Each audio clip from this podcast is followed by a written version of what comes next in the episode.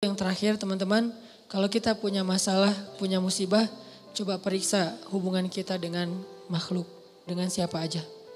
Karena bisa jadi masalah kita itu gara-gara doa orang yang terzolimi. Gimana kalau orangnya udah nggak kenal lagi Ustadz, kayak di jalan ketemu terus nggak sengaja kita ngejipratin air, musim hujan nih, naik motor, naik mobil, lewat genangan air, kena. Akhirnya dia karena bajunya kotor, terzolimi dia doa nih. Ya Allah semoga dia jomblonya sampai akhir hayat. Aduh berat eh. Akhirnya kita kenapa kok nggak ada yang mau sama saya? Kenapa kok saya ditolak? Jangan-jangan kita pernah ngezolimin orang lain. Gimana kita menebus kesalahan kepada orang yang kita udah nggak kenal? Gimana? Pembantu yang pernah kerja di rumah kita pernah kita celah, terus dia uh, pulang dan nggak punya lagi nomornya, nggak tahu juga alamatnya. Tebuslah kesalahan itu dengan cara kalau kita udah berusaha ya mencari orang yang nggak dapat, apalagi cuma ketemu di jalan doang nggak mungkin ketemu lagi, maka tebuslah dengan cara berbuat baiklah dengan kebaikan yang sama kepada orang lain. Mudah-mudahan itu akan menggugurkan dosa kita kepada orang tertentu. Kepada orang lain. Kayak misalnya tadi kita nyakitin orang apa dalam bentuk apa misalnya. Ngambil hartanya atau mencurangi gajinya.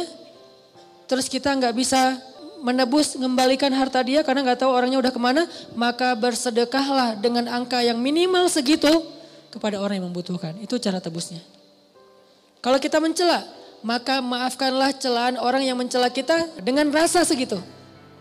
Kita pernah mencela seseorang, terus suatu saat kita dicela oleh orang lain, maafkanlah niatkan. Dulu saya juga pernah mencela dia, orang ini, sekarang saya dicela orang lain, maka saya maafkan untuk menebus kesalahan saya yang dulu yang udah nggak bisa nyari lagi nomornya udah hilang, alamatnya nggak tahu, atau cuma ketemu di jalan.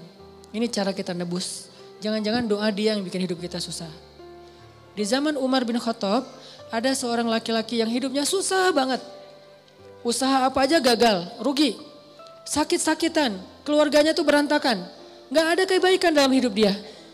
Sampai ketika dia sakit keras, Umar datang kepada dia dan bertanya, apa yang membuat kamu jadi hidup kayak gini? Umar kan suka nyari apa hikmah ya. Apa yang membuat hidup kamu kok susah banget kayak gini? Semuanya susah. Apa kata dia? Ya Amirul Mukminin, dulu saya pernah menzolimi seseorang dan waktu itu saya mendengar dia berdoa dan doa orang yang terzolimi itu tidak ditolak oleh Allah SWT. Dan inilah buah dari doa dia sehingga sejak dia mendoakan saya sampai hari ini hidup saya susah aja nggak ada solusinya. Fisiknya sakit-sakitan terus menerus, kemudian keluarganya berantakan, bisnisnya bangkrut semuanya satu persatu, anaknya ninggalin dia, sakitnya nggak pernah sembuh, terus aja kayak gitu. Dan yang paling berat adalah dianya nggak dikuatkan hatinya sehingga ngeluh terus. Ada orang yang diberikan ujian tapi dikuatkan hati ya. Ada orang udah dikasih ujian, dilemahkan hatinya itu sengsara banget tuh. Makanya hati-hati dengan ketidaksengajaan kita apalagi sengaja banyak istighfar, banyak berbuat baik, tebuslah kesalahan kita dengan sedekah, tebus kesalahan kita dengan memaafkan orang lain, tebus kesalahan kita dengan membantu orang lain. Itu cara-cara kita nebus kesalahan kepada orang yang kita udah gak kenal. Kalau masih kenal, coba berusaha untuk minta maaf ke dia.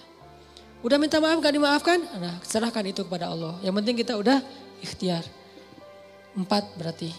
Evaluasi hubungan kita dengan Allah, evaluasi hubungan kita dengan orang tua, evaluasi hubungan kita dengan pasangan, terutama ke suami, evaluasi hubungan kita dengan sesama.